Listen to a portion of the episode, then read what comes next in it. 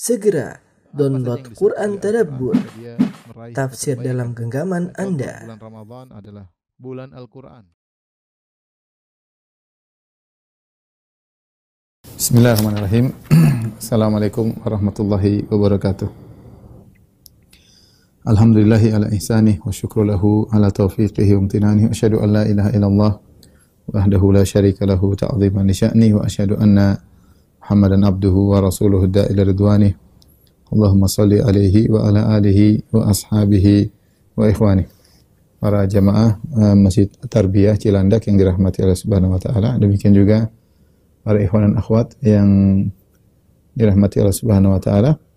Pada kesempatan kali ini kita akan masuk pada pembahasan baru tentang uh, Ghazwat Hunain, yaitu perang Hunain. Sampai kita akan bahas nanti Ghazwat Taif, ya.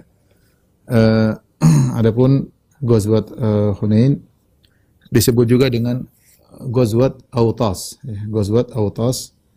Uh, Autas adalah nama sebuah lembah yang terletak di daerah tempat tinggal kabilah Hawazin ya karena uh, di situlah mereka bermarkas kemudian akhirnya terjadi uh, pertempuran ya di Hunain uh, dan disebut juga dengan Ghazwat Hawazin ya jadi namanya ada tiga namanya Ghazwat Hunain ya kemudian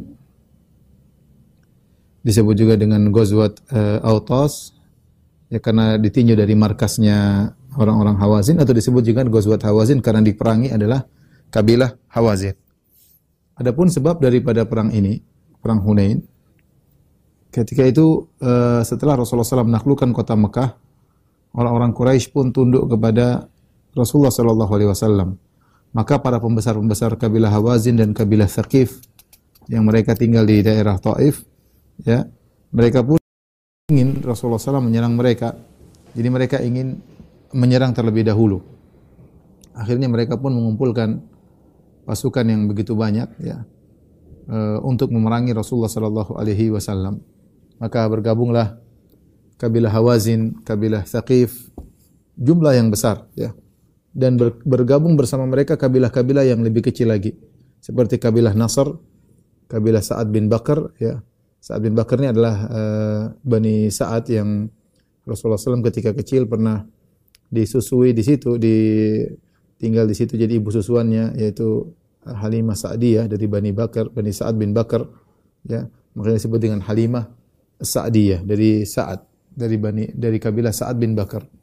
Ini kabilah ini gabung bersama kabilah Nasr ya. Kemudian juga sekelompok dari Bani Hilal ya. Kemudian juga dari Bani Jushum ya.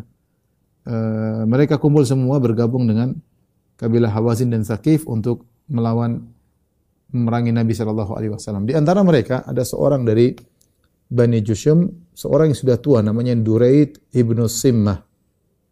Duraid ibnu Simmah, ya. Dia seorang sudah tua dan sudah buta. Tetapi eh, dia adalah orang yang pakar dalam peperangan. Udah tua, udah buta ya.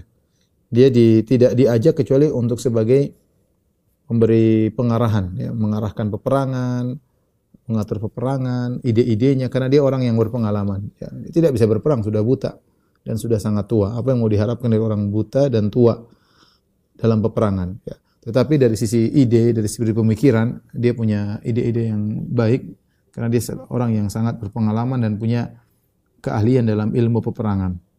Dan dia adalah seorang sangat pemberani ketika di masa mudanya, ketika masih belum buta dan banyak pengalaman dalam pertempuran. Uh, dan ada pemimpin-pemimpin yang lain di Bani Thaqif ada namanya uh, Qarib bin Al-Aswad dan di Bani Malik ada namanya Dhul Khimar, Subay bin Al-Harith dan yang lain-lainnya. Ada mereka tokoh-tokohnya mereka semua berkumpul dan jumlah mereka setelah berkumpul seluruhnya Hawazin kemudian uh, Thaqif, kemudian Nasr, kemudian Bani Sa'ad bin Bakar, kemudian seluruhnya kumpul jumlahnya sekitar 20 ribu. Jadi pasukan mereka jumlahnya sekitar 20 ribu. Uh, kemudian pimpinan utama mereka, pimpinan utama mereka ya adalah uh, Malik bin Auf An-Nasri ya. Malik bin bin Auf An-Nasri. Inilah pimpinan utama Malik bin Auf dari Bani Nasr. Eh, dan masih muda ketika itu umurnya 30 tahun. Jadi belum belum matang, masih eh, 30 tahun. Masih 30 tahun. Eh, dan dia memimpin pasukan ya berjalan menuju Rasulullah sallallahu alaihi wasallam ya. Menuju Rasulullah sallallahu alaihi wasallam dan dia menyuruh orang-orang untuk membawa seluruh harta mereka, membawa harta mereka, membawa istri-istri mereka, anak-anak mereka seluruhnya dibawa. Ya. Sampai mereka berjalan sehingga tiba di Autas, ya. Saya berjalan, mereka tiba di Autas, ya. Uh, ini adalah ide yang aneh yang diungkapkan oleh Malik uh, bin Auf. Bagaimana mereka berperang, kemudian seluruh harta dibawa, anak, istri, kambing, onta, semuanya dibawa. Ya, harusnya berperang ya anak-anak, istri selamatkan, nggak usah ngajak anak, nggak usah anak istri, nggak usah bawa harta. Tapi ini ide konyol yang disampaikan oleh Malik bin Auf. Ya.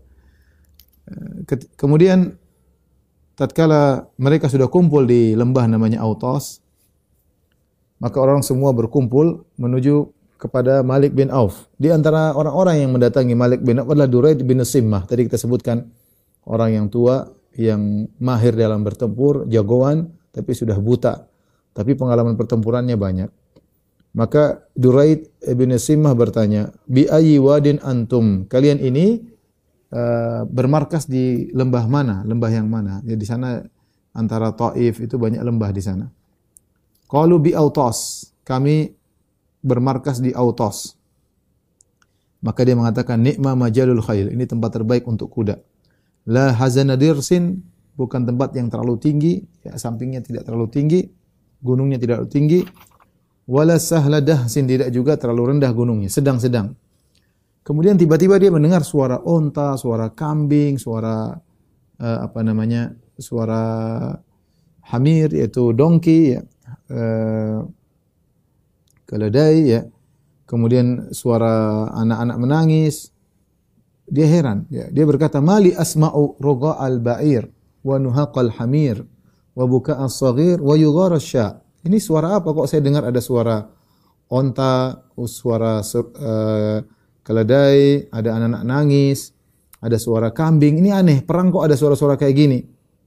Orang-orang menjelaskan kepadanya bahwasanya Malik bin Auf menyuruh orang-orang untuk membawa seluruh harta mereka. Malik bin Auf sang pemimpin utama, komandan utamanya, panglima perangnya nyuruh orang-orang semua bawa hartanya. Istri-istri dibawa, anak-anak semua dibawa. Maka kata Duraid bin Asim, ini ide aneh, ide, ide konyol. Dia bilang, Aina Malik? Mana si Malik? Suruh ke sini. Kita bilang anak Malik masih umur 30 tahun. Belum punya pengalaman, tapi semangat luar biasa. Oleh karena kalau kadang-kadang eh, dipimpin oleh orang masih sangat muda, agak repot memang umur 30-an ya. Jarang orang umur 30-an kemudian hebat ya. Harusnya lebih tua, lebih matang, lebih banyak pengalaman itu lebih lebih baik. Kadang-kadang eh, yang masih muda umur 30-an seperti ini kadang-kadang nekat, kadang-kadang salah, salah perhitungan sebagaimana Malik bin Auf An-Nasri ini. Maka Duraid bin Simma yang sudah tua dia bilang mana si Malik suruh sini. Fadu iya ilahi. Maka datanglah Malik. Kemudian Duraid bin Simma berkata, "Ya Malik, innaka qad asbahta ra'isa qaumika. Wahai Malik, engkau sekarang jadi pemimpin pemimpin pasukan. Kau adalah panglima mereka. Wa inna hadha yaumun kainun lahu ma ba'dahu minal ayyam.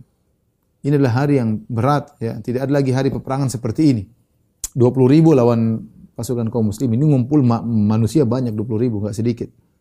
Ini perang akan dahsyat tidak akan ada peperangan seperti ini lagi. Namun pertanyaan saya wahai Malik bin Auf, Mali asma'u roga al-ba'ir wa hamir wa buka as-saghir wa yughar. Namun kenapa saya dengar ada suara onta? Kok ada suara onta-onta? Kok ada suara keledai-keledai? Kok ada suara anak-anak nangis? Kenapa ada suara kambing mbek-mbek? Ya. Apa kata Malik bin Auf? Suktu ma'an nasi amwalahum abna'ahum wa nisa'ahum. Aku menyuruh orang-orang untuk membawa harta mereka, membawa anak-anak mereka dan membawa istri-istri mereka. Seluruhnya saya suruh bawa. Kata Duraid bin Simah, wali madaka. Kenapa kau suruh mereka bawa? eh, istri-istri, anak-anak semuanya suruh dibawa. Malik mengatakan, "Aradtu an aj'ala khalfa kulli rajulin minhum ahlahu wa malahu liyuqatila anhum." Aku ingin setiap orang ketika perang di belakang dia ada istrinya, ada anaknya, ada hartanya. Biar dia tidak mundur. dia mundur berarti dia kehilangan istri, anak dan harta-hartanya. Sehingga dia akan berperang habis-habisan. Ternyata ini inilah inilah idenya uh, Malik bin Auf agar pasukan tidak kabur. Karena kalau mereka kabur, ada istri, ada anak-anak akan jadi tawanan, akan jadi budak, uh, dan harta-harta mereka akan diambil. Maksud dia sudah mereka akan bertempur habis-habisan, lebih baik mati ya eh, daripada kemudian kabur selamat tapi anak anak istri dijadikan tawanan. Idenya Malik bin Auf seperti itu. Idenya sepertinya cemerlang.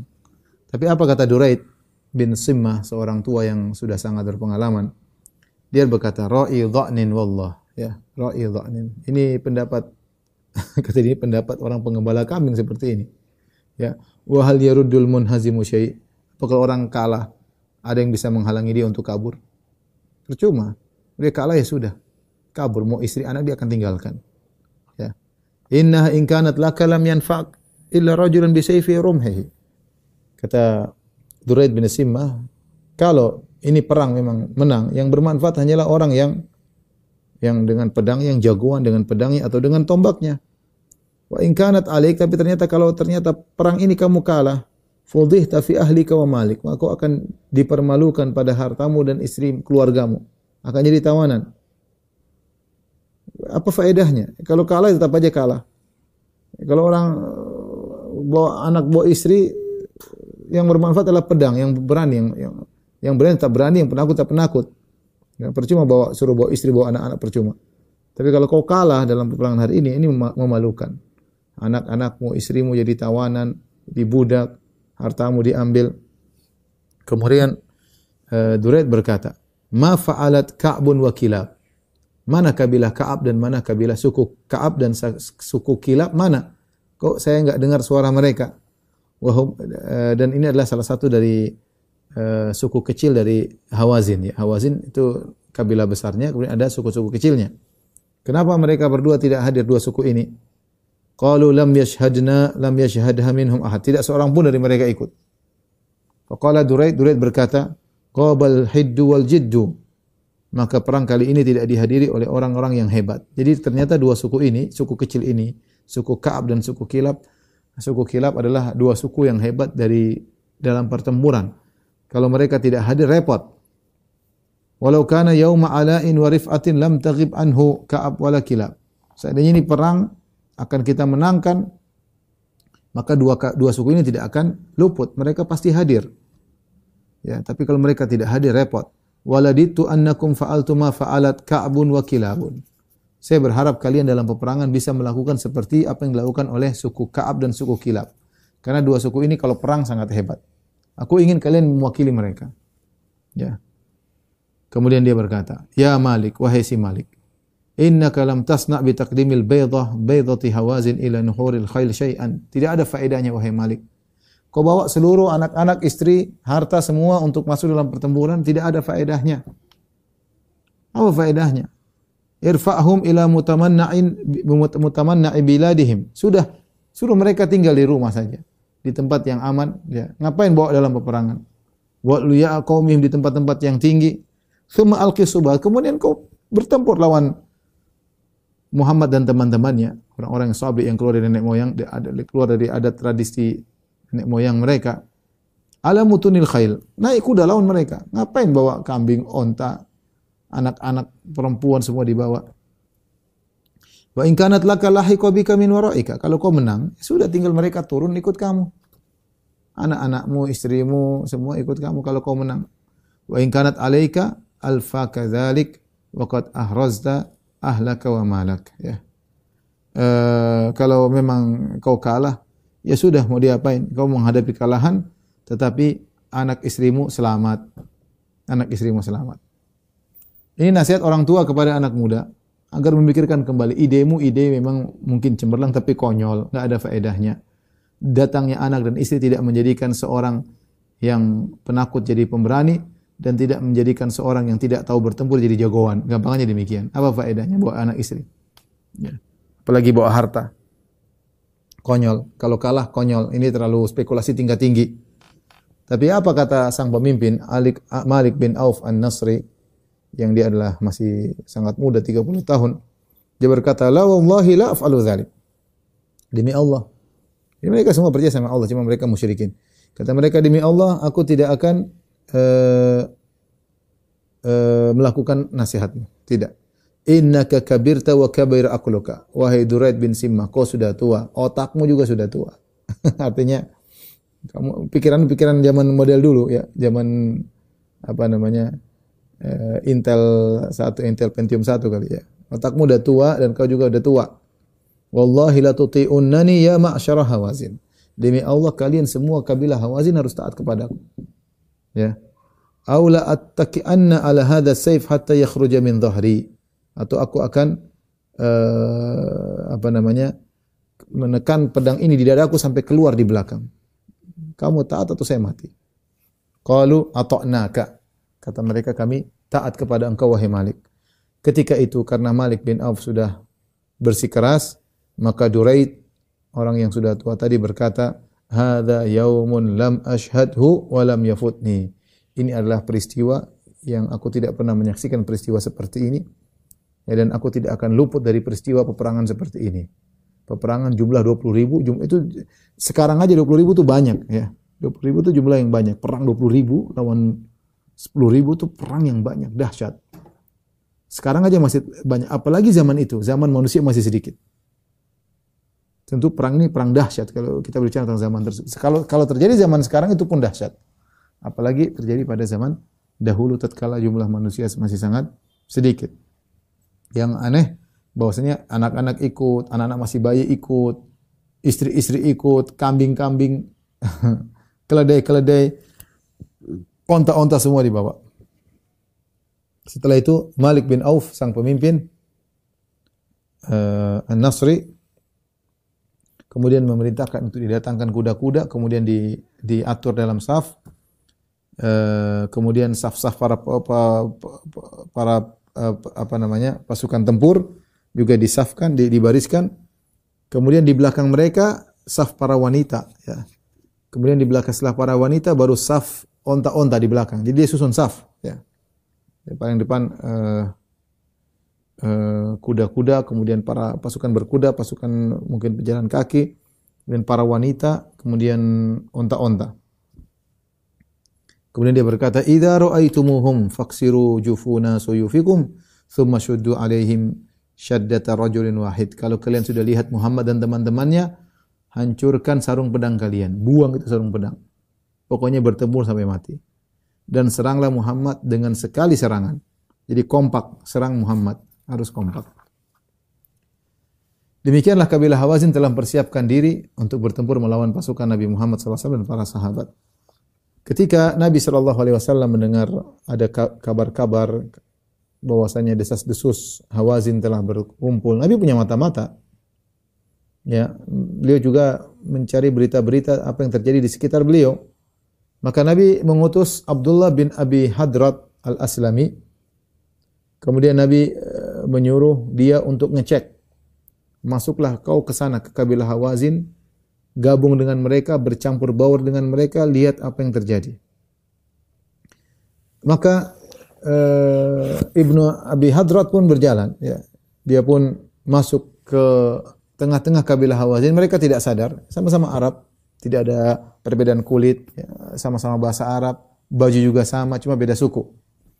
Akhirnya dia masuk ke dalam kemudian dia duduk sama mereka, ngobrol sama mereka sehingga dia tahu dan benar-benar bahwasanya kabilah Hawazin telah bertekad untuk menyerang Nabi sallallahu alaihi wasallam.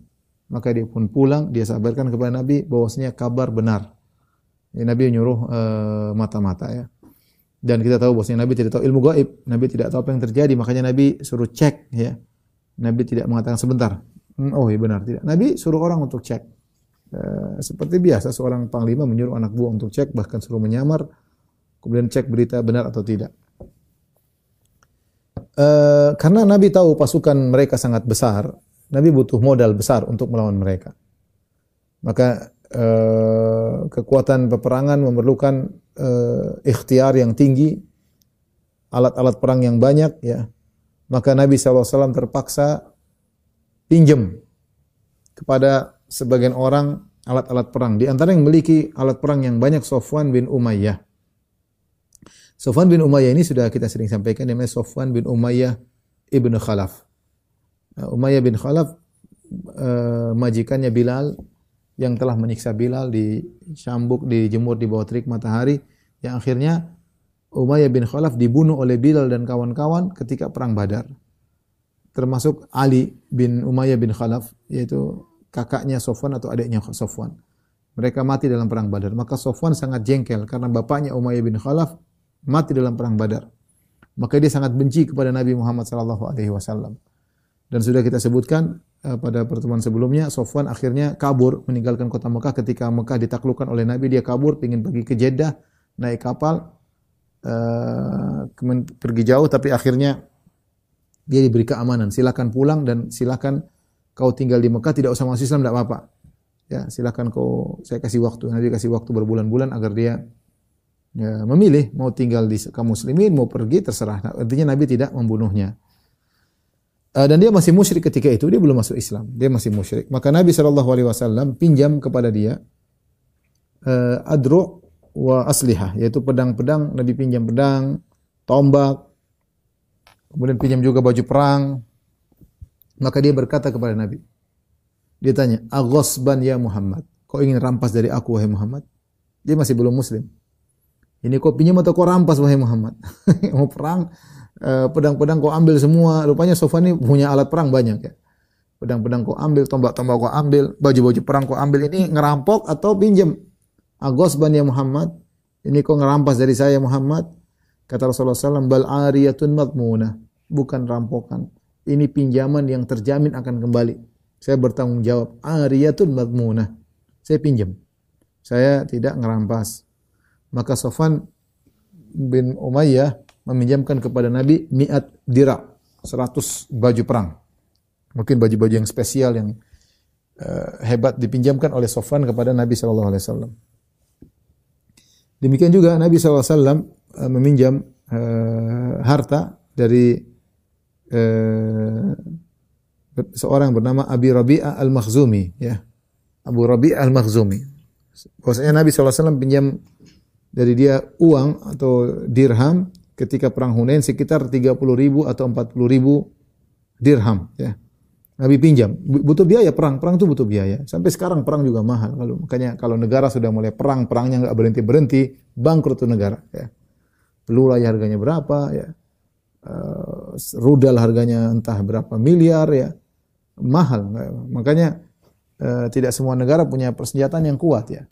Uh, sebagian negara dijatah peluru apa namanya pasukannya memiliki jatah peluru sekian sekian tidak bisa banyak karena mahal perang itu butuh biaya mahal ya maka Nabi saw karena tidak atau kekurangan uang Nabi saw pinjam pinjam di sini pinjam ke sana pinjam ke sini untuk perang Nabi pinjam sekitar 30 ribu atau 40 ribu entah dinar atau dirham pinjam kepada Abu Rabi'ah al-Makhzumi kemudian setelah Rasulullah SAW selesai dari perang, Rasulullah menang, Rasulullah SAW kembalikan pinjaman tersebut.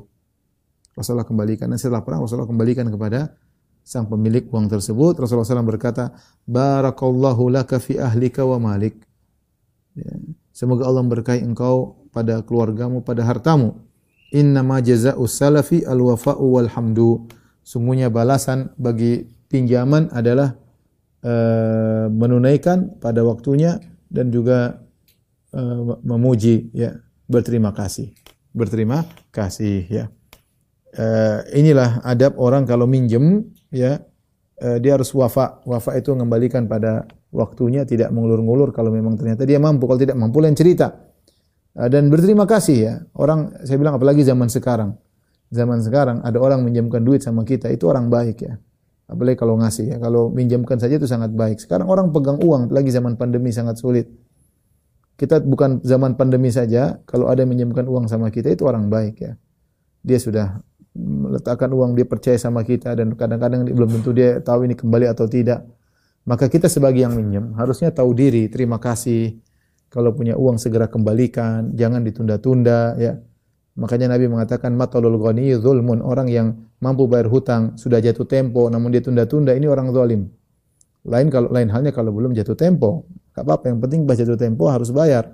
Nah, kalau seorang uh, udah jatuh tempo dia enggak bayar-bayar, ya maka dia berbuat zalim. Semakin dia tidak bayar semakin zalim. Nah, banyak orang yang ketika meminjam uang pura-pura lupa lah, kemudian tunda-tunda lah. Setan datang membuat dia akhirnya punya duit, dia tahan dia buat beli yang lain untuk kembangkan usaha, buat ini, buat padahal sudah jatuh tempo. Akhirnya orang yang meminjamkan uang kepada dia dulu ngemis-ngemis sama dia. Ngemis-ngemis sama sama dia. Bahkan di antara perkara yang menakjubkan, ada sebagian kawan, dia minjamkan uang sama orang. Setelah itu, sudah jatuh tempo dia belum tagih, atau intinya dia tagih, satu saat dia tagih kepada kawan satunya lagi yang yang pinjam uang sama dia, dia tagih mana uang, Akhirnya yang yang ditagi marah-marah, yang ditagi marah-marah. Dia bilang, "Bapak ini gimana? Kemarin saya punya uang, Bapak tidak tagih. Sekarang saya nggak punya uang, Bapak malah nagih." Seharusnya kita kalau punya utang nggak usah ditagih, bayar. Jangan nggak usah perlu nunggu ditagih-tagih. Harusnya langsung bayar saja ya, karena utang beban repot pada hari kiamat kelak ya, repot. Orang menggampangkan masalah uh, hutang sementara Nabi pernah tidak mau sholat sama orang yang punya hutang dua dinar ya. Nabi mengembalikan dan Nabi mengatakan inna majaza'u salaf al wafa'u wal hamdu. Balasan bagi orang yang uh, membayar hutang adalah uh, sesuai dengan waktunya uh, menunaikan dan juga memuji. Taib. Jadi ini saya beri gambaran bahwasanya kondisi kaum muslimin tidak uh, masih kekurangan sehingga harus minjam ini, minjam anu. Kemudian setelah Rasulullah SAW semua persiapan, Rasulullah SAW berangkat menuju Hunain. Ya. Rasulullah SAW tinggal di Mekah sekitar 19 hari. Setelah 19 hari Rasulullah SAW keluar menuju Hunain pada hari Sabtu. Ya. Itu tinggal uh, itu di bulan Syawal. Ya, ya di bulan uh, Syawal tahun 8 Hijriah. Kemudian Rasulullah SAW menggunakan Attab bin Asid sebagai amir di Mekah. Dan ia adalah amir yang pertama dalam Islam di Mekah ya. Karena Mekah baru saja ditaklukkan oleh Nabi. Sebelumnya Darul Kufur. Sebelumnya tempatnya orang musyrikin dan Nabi SAW ketika berangkat menuju ke Hunain, Nabi menugaskan seorang namanya Attab bin Asid sebagai pengganti Nabi amir di kota Mekah. Dan bersama Nabi 12 ribu pasukan. Ingat, musuh 20 ribu, Nabi 12 ribu. Sepuluh ribu adalah pasukan yang datang bersama Nabi dari Madinah menuju Mekah untuk menaklukkan kota Mekah. Adapun dua ribu tambahan adalah orang-orang yang at-tulaqa yang baru saja dibebaskan oleh Nabi dan mereka baru saja masuk Islam. Mayoritas mereka baru masuk Islam dan Islam belum ber, ber, ber, bercokol dalam hati mereka dengan baik. Ya. Ya, kemudian juga ada orang musyrikin ikut, ikut ikut ikutan keluar bersama Nabi ingin nonton Orang musyrikin yang Rasulullah izinkan mereka untuk tinggal di Mekah bersama Nabi. Di antara orang musyrikin tersebut Sofwan bin Umayyah. Sofwan bin Umayyah, ya. Uh, ikut juga, ingin ikut. Nanti Rasulullah akhirnya kasih hadiah-hadiah berupa onta yang banyak. Akhirnya dia masuk Islam. Tapi dia ikut, dia ikut. Di antaranya Suhail bin Amr. Suhail bin Amr dan juga yang lainnya. Suhail bin Amr juga belum masuk Islam. Uh, inilah pasukan terbesar yang pernah keluar bersama Nabi. 12 ribu pasukan. Ya. Kemudian karena jumlahnya begitu banyak keluar sampai ada sebagian orang ngomong lan nuglabal yauma min qillah. Kita tidak bakalan kalah. Ya, dengan sebab jumlah sedikit kita kita kita karena jumlah kita banyak. Kita tidak akan kalah karena faktor jumlah sedikit. Ya. Karena apa? Jumlah kita banyak. Uh, Nabi mendengar hal tersebut dan ini berat bagi Nabi SAW. Karena ini ujub, ujub terhadap jumlah yang banyak. Ya, karena mereka tahu bagaimana kaum muslimin perang dengan jumlah yang sedikit menang dalam perang Badar jumlah cuma uh, eh, 300 mengalahkan 1000. Dalam perang Uhud 700 lawan 3000 tapi bisa bertahan. Ya. Uh, kemudian juga dalam Khandaq 2000 tapi 10.000 bisa porak-poranda. Ini sekarang 12 ribu. Meskipun musuh 20 ribu, tapi 12 ribu pasukan yang kuat. Sehingga mereka mengatakan kita nggak bakalan kalah. Nah ketika itu Nabi merasa berat dengan perkataan tersebut. Ini menunjukkan, ini diucapkan oleh orang yang baru masuk Islam. Menunjukkan tawakal kepada sebab, tawakal kepada materi. Ya, bukan kepada pencipta materi tersebut, bukan kepada Allah Subhanahu wa taala. Ya.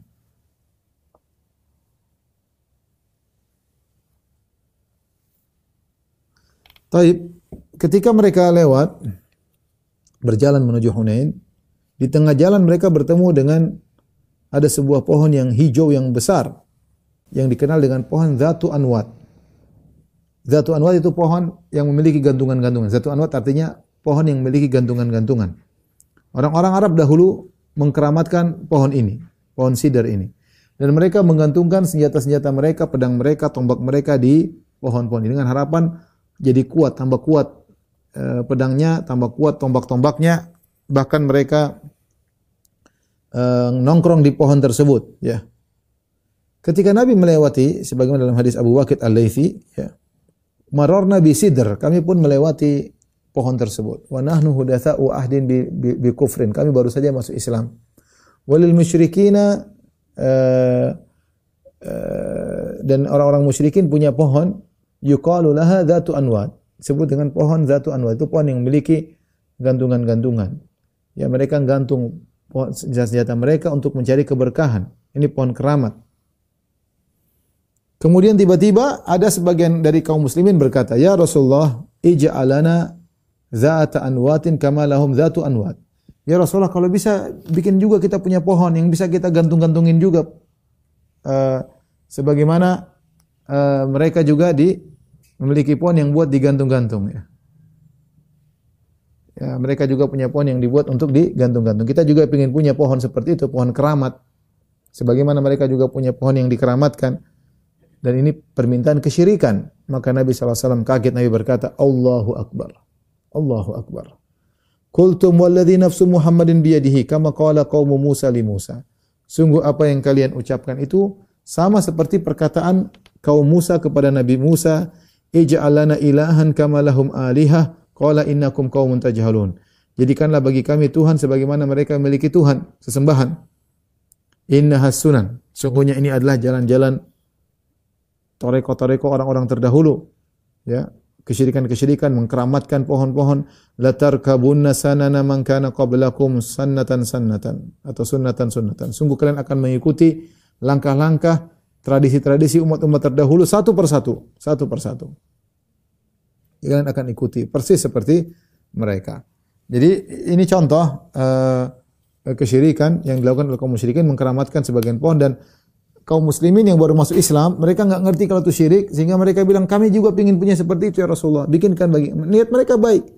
Tapi ternyata permintaan mereka untuk punya pohon yang itu adalah pohon keramat adalah permintaan kesyirikan. Nabi mengatakan sama seperti perkataan orang-orang kaum Nabi Musa kepada Nabi Musa, "Ij'al lana ilahan kama lahum aliha." Jadikanlah bagi kami sesembahan sebagaimana mereka punya sesembahan-sesembahan. Nabi tegur ya. ya. Namun mereka diberi uzur karena mereka baru masuk Islam, tidak ngerti padahal mereka minta kesyirikan. Ya, Nabi tidak mengatakan kalian kafir enggak, tapi karena mereka baru masuk masuk Islam mereka tidak ngerti. Nabi cuma ingatkan ini adalah kekufuran sama seperti minta dijadikan Tuhan.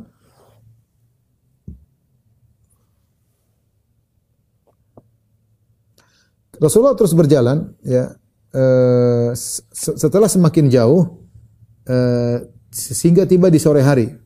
Sore hari uh, kemudian tiba waktu sholat.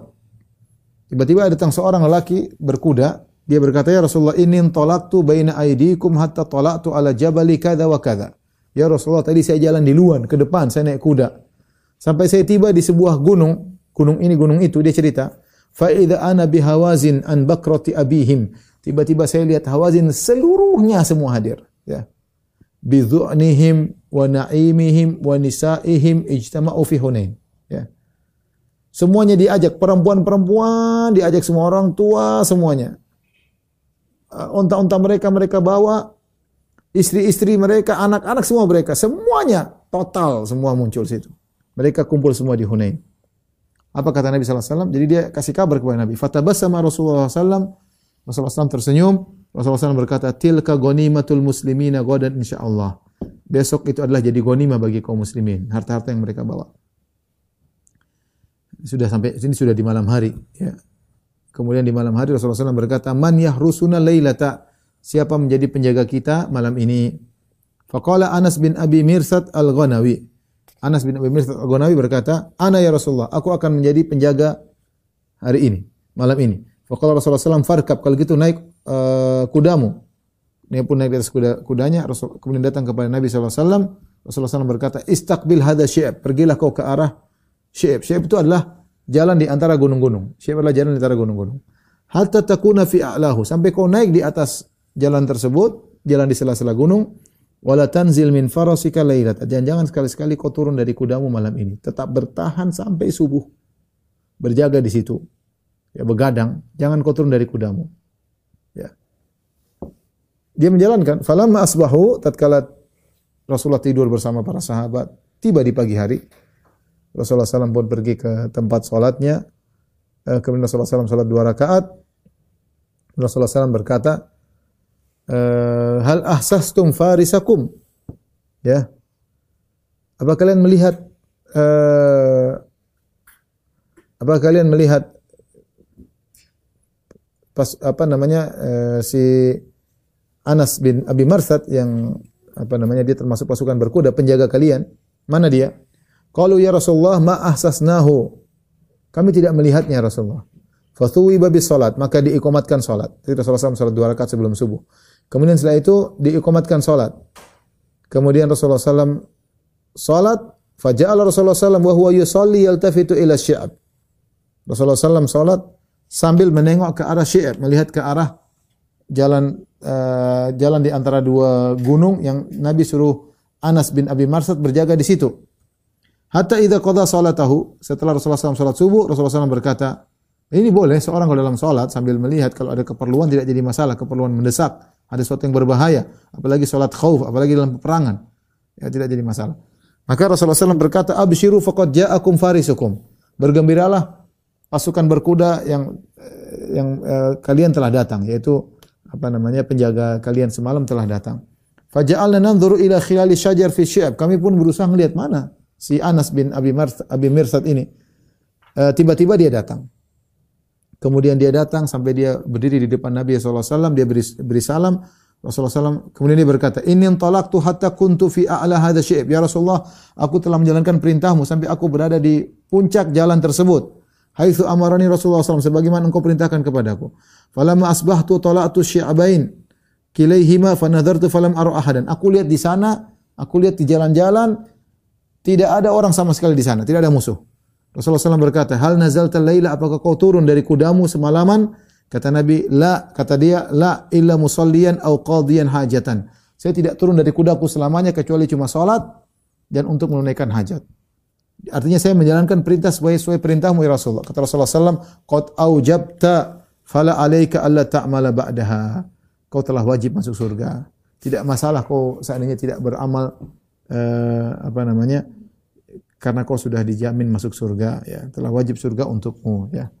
Jadi uh, menunjukkan ini adalah kemuliaan uh, seorang uh, sahabat yang Nabi mengatakan engkau telah wajib masuk surga. Kemudian Nabi SAW menyalutkan perjalanannya ya sampai ke Hunain di sore hari Selasa eh, di malam malam Selasa ya.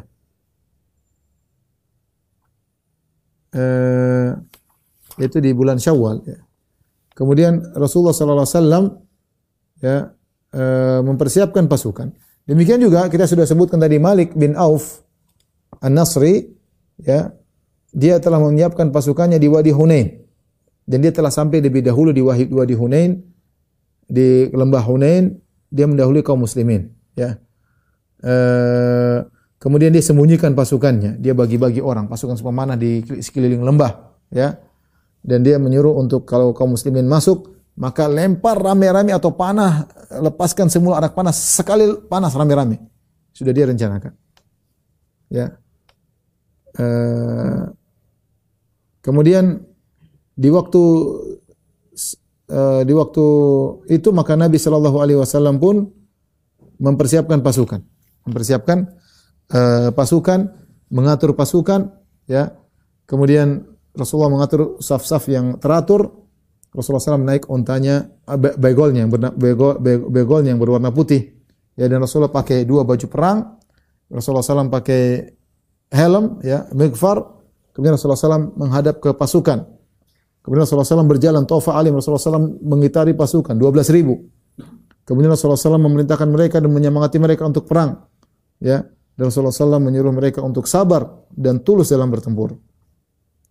Adapun Khalid bin Walid, Rasulullah SAW suruh untuk memimpin Bani Salim dipimpin oleh Khalid bin Walid, ya, Eh, dan Rasul, eh, eh, Khalid bin Walid jadi pemimpin mereka.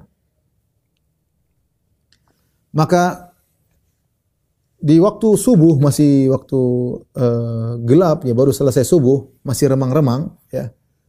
Maka kaum muslimin pun masuk turun ke Wadi Hunain. Padahal pa- kaum musyrikin sudah ada di situ. Mereka tidak menduga bahwasanya peperangan begitu cepat biasanya mungkin waktu duha ini masih gelap-gelap mereka sudah bersiap di situ kaum muslimin tidak tahu Nabi tidak tahu ilmu gaib Nabi tidak tahu ilmu gaib maka kaum muslimin pun turun ke uh, lembah Hunain dan turunnya agak cepat karena lembahnya itu agak agak apa namanya uh, turunannya agak terjal ya. Ya agak curam. Ya. Maka mereka tidak tahu bahwasanya ada pasukan-pasukan kabilah Hawazin yang sembunyi di jalan-jalan yang sempit di lembah tersebut ya. Uh, kemudian akhirnya ketika mereka turun ya uh, tiba-tiba datang serangan luar biasa. Hujan anak panah tiba-tiba menyerang eh, menyerang mereka ya. Ketika tiba-tiba datang hujan anak panah begitu banyak tanpa persiapan dari kaum muslimin mulailah kaum muslimin kabur. Kabur ya. Kabur dari eh, lokasi ya. terutama at-tulaqa terutama 2000 orang yang baru masuk Islam iman mereka belum kokoh ya mereka pun kabur, mereka pun kabur. Ya. Dalam dalam Sahih Muslim Al Bara bin Azib berkata, "Falaku qauman rumatan la yakadu yasqutu lahum sahmun, farashaquhum rashqan." Ya. Eh, ma yakaduna yukhti'un. Tiba-tiba mereka mendapati pasukan yang begitu banyak dan mereka langsung memanah dan hampir panah mereka tidak salah, semuanya jago panah. Tiba-tiba hujan anak panah menyerang kaum muslimin. Ya. Mundurlah kaum muslimin kabur. Ketika itu Abu Sufyan ya ada di situ, dia lihat kondisi, dia baru masuk Islam. Ada juga Sufyan bin Umayyah juga belum masuk Islam, Hakim bin Hizam juga belum masuk Islam. Kemudian eh, sekelompok dari ahlu Makkah mereka bersembunyi di sebuah tempat agak bukit, kemudian mereka menyaksikan pertempuran tersebut. Kemudian di antara mereka ada seorang namanya Kaldah bin Ibnu Al-Hambal. Kaldah Ibnu Al-Hambal dan dia adalah uh, saudara seibu dengan Sofwan bin Umayyah. Bapak mereka berbeda tapi ibu mereka sama. Kemudian Kaldah ini berkata, ya, dia masih musyrik ketika itu, belum masuk Islam. Nanti dia masuk Islam, tapi ketika dia masih musyrik dia berkata, "Ala batala sihrul yauma." Kata dia, sihir kali ini akan hancur. Memang Muhammad penyihir, dia menganggap Muhammad penyihir. Bila Muhammad akan kalah kali ini. Sudah gimana? Sudah kejebak di lembah, pasukan pemanah sudah menyerang, udah kalah, kalah, kalah. Kata dia kalah. Ini sihir hancur hari ini. Sihirnya Muhammad hancur. Sofwan bin Umayyah, saudara seibunya, berkata, Uskut faddallahu fak. Diam kau. Ya. Tidak usah ngomong kayak gitu ya. Allah merobek uh, mulutmu. Fallahi la an yarubbani an yarubbani rajulun min Quraisyin ahabbu ilayya min an yarubbani rajulun min Hawazin. Demi Allah, saya dikuasai oleh seorang Quraisy seperti Muhammad lebih saya sukai daripada dikuasai oleh orang dari Hawazin. Kesukuan. Tapi eh, wallah alam ini ucapan Sofwan bin Umayyah seakan-akan dia bela Nabi padahal dia masih musyrik. Seakan-akan ada kecenderungan kepada mulai ada kecondongan. Tadinya dia sangat benci Nabi. Yang dia cita-citakan bagaimana Nabi bisa mati. Itu cita-citanya. Ya, karena Nabi yang membunuh bapaknya, artinya dengan anak buah Nabi, maksudnya bapaknya, kakaknya, keluarga mati semuanya gara-gara Muhammad Shallallahu Alaihi Wasallam. Tapi karena sifat baik Nabi, dia tadinya mau kabur, takut dibunuh. Nabi tadi mengatakan bunuh dia di mana pun kalian berada. Pokoknya Sofan bin Umayyah darahnya halal, tetapi ternyata Nabi maafkan. Nabi suruh dia tinggal di Mekah, meskipun tidak usah masuk Islam gak ada masalah. Bahkan Nabi Shallallahu Alaihi Wasallam pun minjem tidak merampas hartanya. Harusnya kan dirampas boleh. Kan perang boleh kabur hartanya dirampas, tapi Nabi tidak ambil harta dia. Bahkan Nabi suruh dia balik ke Mekah, hartanya diberikan kepada Sofan. Bahkan Nabi pinjam. Makanya waktu Nabi pinjam alat-alat perangnya dia mengatakan, Agos bunia Muhammad, kau rampas hartaku kata Rasulullah SAW, bal ariyatun matmuna. Tidak, ini pinjaman dan tanggung jawab saya akan kembalikan. Di situ dia ada kecenderungan kepada Nabi SAW sehingga saudara ketika saudaranya berkata habis Muhammad kali ini kata dia Jangan kau bilang begitu, sebab Allah akan merobek mulutmu. Saya lebih suka dikuasai oleh Muhammad daripada dikuasai oleh kabilah Habazin dari Taif. Enggak mau saya. Ada kesukuan dan ada kecenderungan kepada Rasulullah sallallahu alaihi wasallam. Ketika orang-orang kabur, Rasulullah sallam ya e, pergi ke arah kanan dan dia tetap bertahan dan hanya orang sedikit yang bertahan bersama Nabi dari kalangan Muhajirin Ansar dan dari Ahlul Bait. Di antara yang bertahan bersama Nabi ada Abu Bakar, ada Umar, ada Ali bin Abi Thalib, ada Abbas bin Abdul Muttalib, ada anaknya Al-Abbas Fadl bin Abbas, ada Abu Sufyan bin Harith, sepupu Nabi SAW.